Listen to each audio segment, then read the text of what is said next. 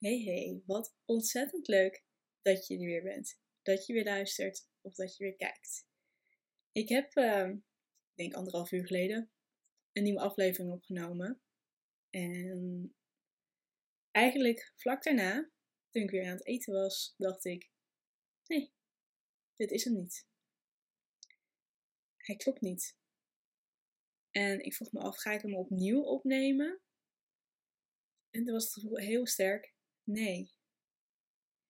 En een les die ik hieruit haal voor mezelf is dat ik mag gaan spreken wat ik op dat moment voel, wat op dat moment door mij heen gaat en wat er op dat moment speelt. En ik had afgelopen donderdag iets wat ik heel graag met jullie wou delen. Iets waar ik heel graag over wou gaan vertellen in een podcast. Um, er is namelijk iets gebeurd in een privésituatie wat effect heeft op mij. En ik vond heel erg dat ik dat eerst had te vertellen voordat ik verder zou gaan met wat ik eigenlijk vandaag wou delen. En toen dacht ik, oké, dat doe ik dan maar. Want, was mijn hoofd, zei dat is logisch, dat is nodig. En nu denk ik, nee. Ik mag gewoon spreken vanuit het hier en nu. En dan vindt zich wel een weg of manier. En zo niet, dan zal er vast nog wel een moment komen waarin een vergelijkbaar verhaal komt, waarin ik het dan deel. Dus voor vandaag wil ik het hebben over voor jezelf zorgen en voor jezelf kiezen. Ondanks dat de dingen om je heen spelen die ook je aandacht vragen, waar je ook hebt te zijn. En ja, wat ik al heel kort net benoemde, er is iets voorgevallen. Ik heb daardoor heel slecht geslapen de afgelopen dagen. Ik ben eh, zorg gaan dragen weer voor een familielid eh, vanuit liefde.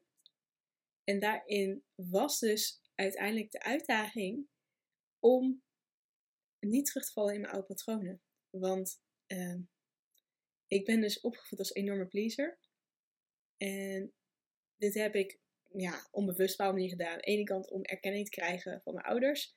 Anderzijds ook omdat ik in die situatie was vroeger was met mijn moeder. Dat ik uh, ja, niet een klassieke oude-kindrelatie met haar had. Het was voor mij normaal om ook voor mijn moeder te zorgen. Van kinds af aan al. Dus dan natuurlijk ook in de periode dat zij zo ernstig ziek was geworden, heb ik letterlijk voor haar gezorgd. Maar dat is iets anders dan dat ik als kind zijnde voor mijn moeder ging zorgen. Dus nu dat dan een bepaalde manier werd ik weer getriggerd om er te zijn voor de ander. Omdat ik ja, van die persoon zoveel hou en er gewoon alles wil doen wat in mijn macht ligt om te helpen. Maar het belangrijke daarbij is, is dat je niet jezelf vergeet. Niet jezelf wegcijfert. En het cliché voorbeeld is eigenlijk dat je als je in het vliegtuig stapt, je hebt vast wel een keer in het vliegtuig gezeten. En dat er dan van die algemene praat is van gewoon veiligheidsregelen. En dat ze zeggen van, goh, mag, mag dat zuurstofmasker naar beneden vallen? Doe hem eerst om bij jezelf, voordat je je kind gaat helpen. En dat voelde voor mij altijd als heel erg tegenstrijdig. Want ik kan me heel goed voorstellen als moeder zijnde, dat het leven van jouw kind eigenlijk bijna belangrijk is als van jezelf. En dat je zegt van, die eerst. Ik red me daarna wel. En het interessante is, is dat het eigenlijk dus andersom is. Als jij eerst voor jezelf zorgt, heb jij letterlijk die zuurstof en kun je daarna de ander helpen zonder dat het kosten gaat van jezelf. Want als jij eerst de ander helpt en de ander is niet in staat of is in zodanige toestand dat hij niet er voor jou kan zijn, gaat het ten koste van jezelf. En hoe oprecht kan je de ander volledig helpen als jij er onderdoor gaat?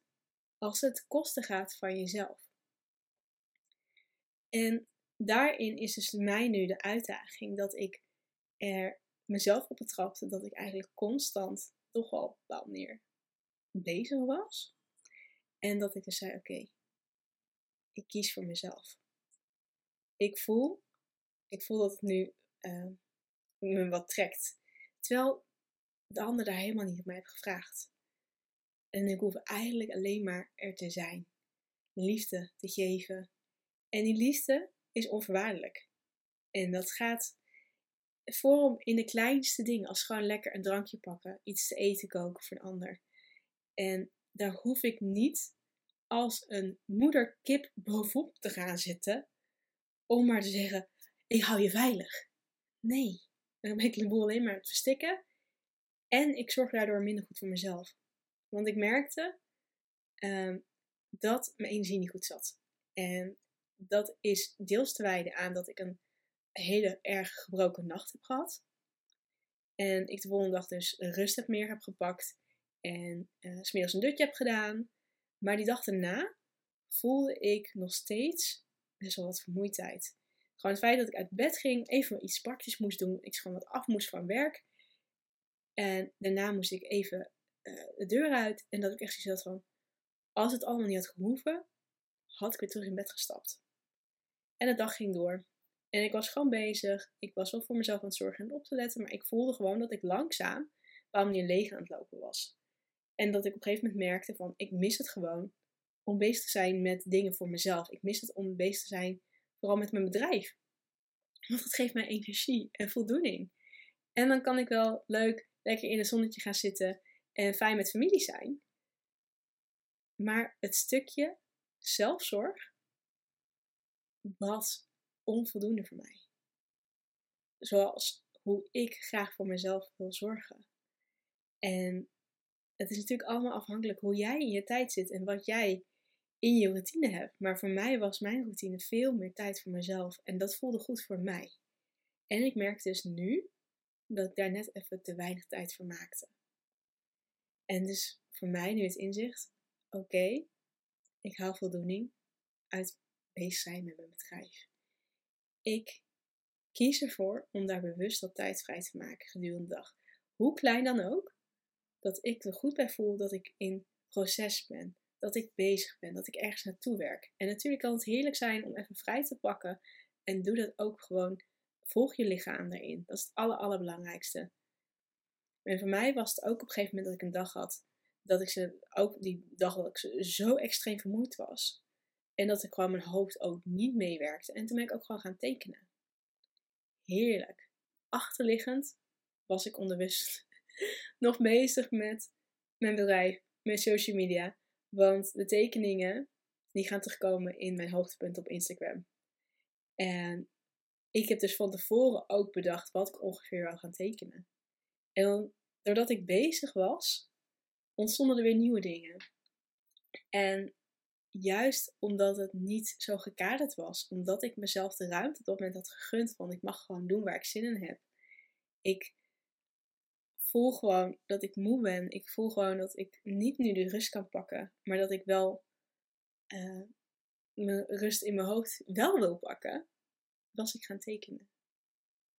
En zat er geen tijdsdruk op dat ik eventjes snel iets moest maken. En was het gewoon maar om het bezig zijn. Een soort van meditatief mindfulness werd het voor mij om te gaan tekenen. En ondertussen voelde het heel erg voldoenend hoe ik me voelde. En dat ik wist, wist van oké, ik ga me niet druk maken over hoe perfect of onperfect het eruit ziet. Ik ga dit gewoon gebruiken. En voor de time being is dit veel mooier als wat ik al heb. Het voldoet een doel. Al zou ik gewoon een kader kleuren, daar een foto van maken en dat als hoogtepunt gebruiken, had het ook al goed geweest. Maar ondertussen werden het icons. Dus check mijn Instagram binnenkort. Ik uh, ga het, uh, nou ja, binnenkort, check het. En dan zul je binnenkort zien dat het wat anders is als het nu is. En uh, dat het gewoon stapsgewijs gaat. En ja, dat je mooie momenten voor jezelf mag creëren. En echt intens genieten van alles wat goed gaat. En dat is eigenlijk waar mijn vorige video over ging. Over kijken naar hoe vol of hoe half leeg het glas is. En waar je dan op focust. Maar dat ga ik lekker bewaren voor een ander moment. En ja, vandaag gaat het een heel stuk beter. Het is nu de derde dag na het incident. En ja, de omstandigheden zijn nog steeds niet helemaal top. Maar ja, het voelt nu als roeien met de riemen die we hebben. Waarbij ik rekening hou dat ik me niet te pletten werk. En dat ik gewoon eerst voor mezelf zorg. En vanuit die liefde er kan zijn voor de ander. En dan kan helpen. En dat is trouwens ook een hele mooie die ik van Kim Munnekom heb. Is dat die ook wel de vraag heeft gekregen in haar podcast. Ehm, vooral voor anderen of je iets kan manifesteren. En haar antwoord is eigenlijk nee. Je kan alleen maar iets voor jezelf doen. Maar wat je wel kan doen, is zorgen dat je eerst zelf in alignment bent. Want als je vanuit zelf je basis goed hebt, zelf die rust en die vrede ervaart, zelf in harmonie bent, draag je dat mee naar uit, naar uit naar buiten. En kan je op die manier die energie doorgeven. En ook inspirerend zijn voor de ander. Dat je de ander meeneemt in jouw wereld. Niet omdat je zegt, ik pak je hand en neem je mee. Nee, gewoon door het te zijn, dat je dat eigenlijk alleen maar voldoende is. Hier wil ik hem bij af gaan sluiten.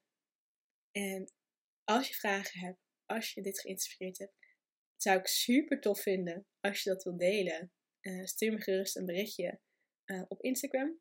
Uh, stralend underscore ondernemen. En ja, lijkt me heel heerlijk om te connecten.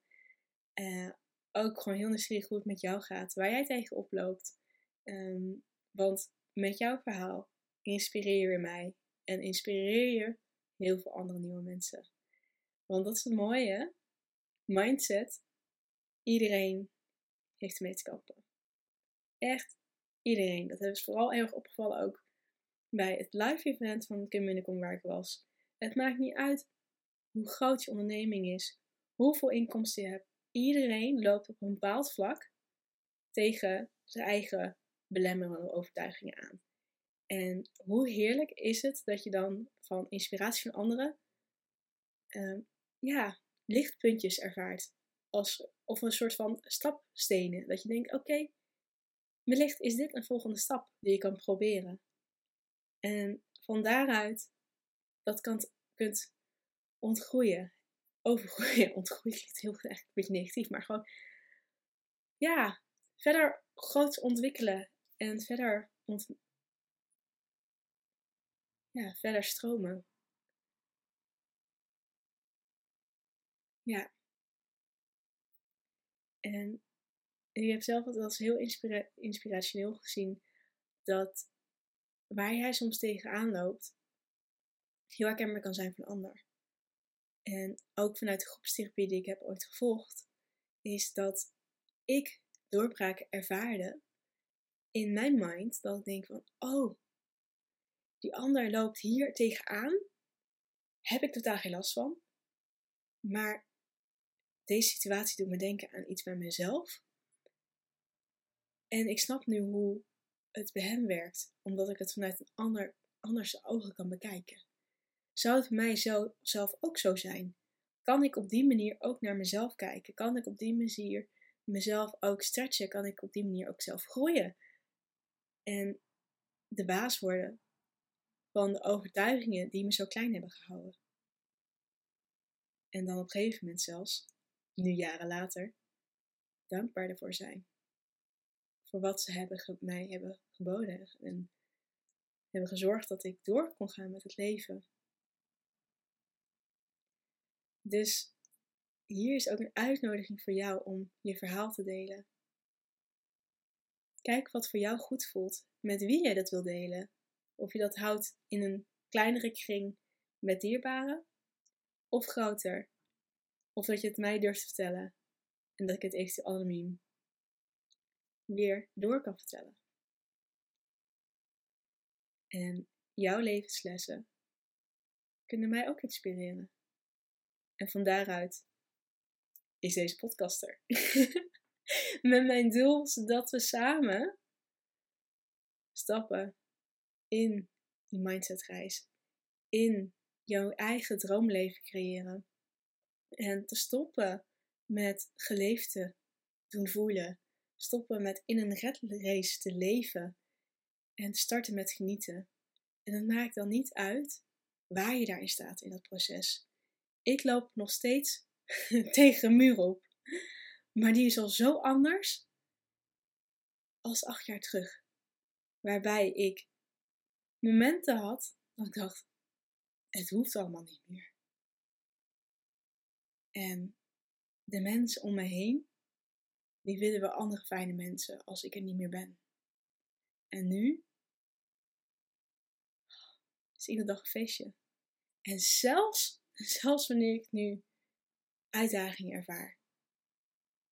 Zelfs nu ik denk van joh, dit zijn geen mooie dagen. En die voel ik niet op die manier. Want ondanks alles brengt het me wel iets moois. Zelfs die momenten die in het donker zijn, zelfs de momenten die ik nu als zwaar of niet positief ervaar. Want het zijn alleen maar sprankjes om te groeien, om te ontwikkelen en ook om het contrast te ervaren tussen het negatieve en positieve. Want als jij altijd gewoon je leven hebt en nog nooit iets ongelukkigs of negatiefs hebt meegemaakt, weet je ook niet hoe het voelt om het tegenovergestelde te ervaren. Om die joy, plezier, licht, liefde, vreugde, gelukkig zijn, om dat te ervaren. Dat het is echt dat yin-yang stuk dat het het geheel maakt. En het is aan jou hoe je het leven wil vormen en hoe je daar naar wil kijken. En waar je dan op richt. Ik ga weer echt alle kanten op. het is toch, wat ik al had voorspeld, deels een overlap met de aflevering die ik net wou opnemen. En waar ik niet tevreden over was. En dat ik toch vanuit dat gevoel komt dat nu toch weer naar voren. Oké, nu ga ik echt afronden. Hele fijne dag en tot de volgende aflevering. Heel veel liefde. Doei doei!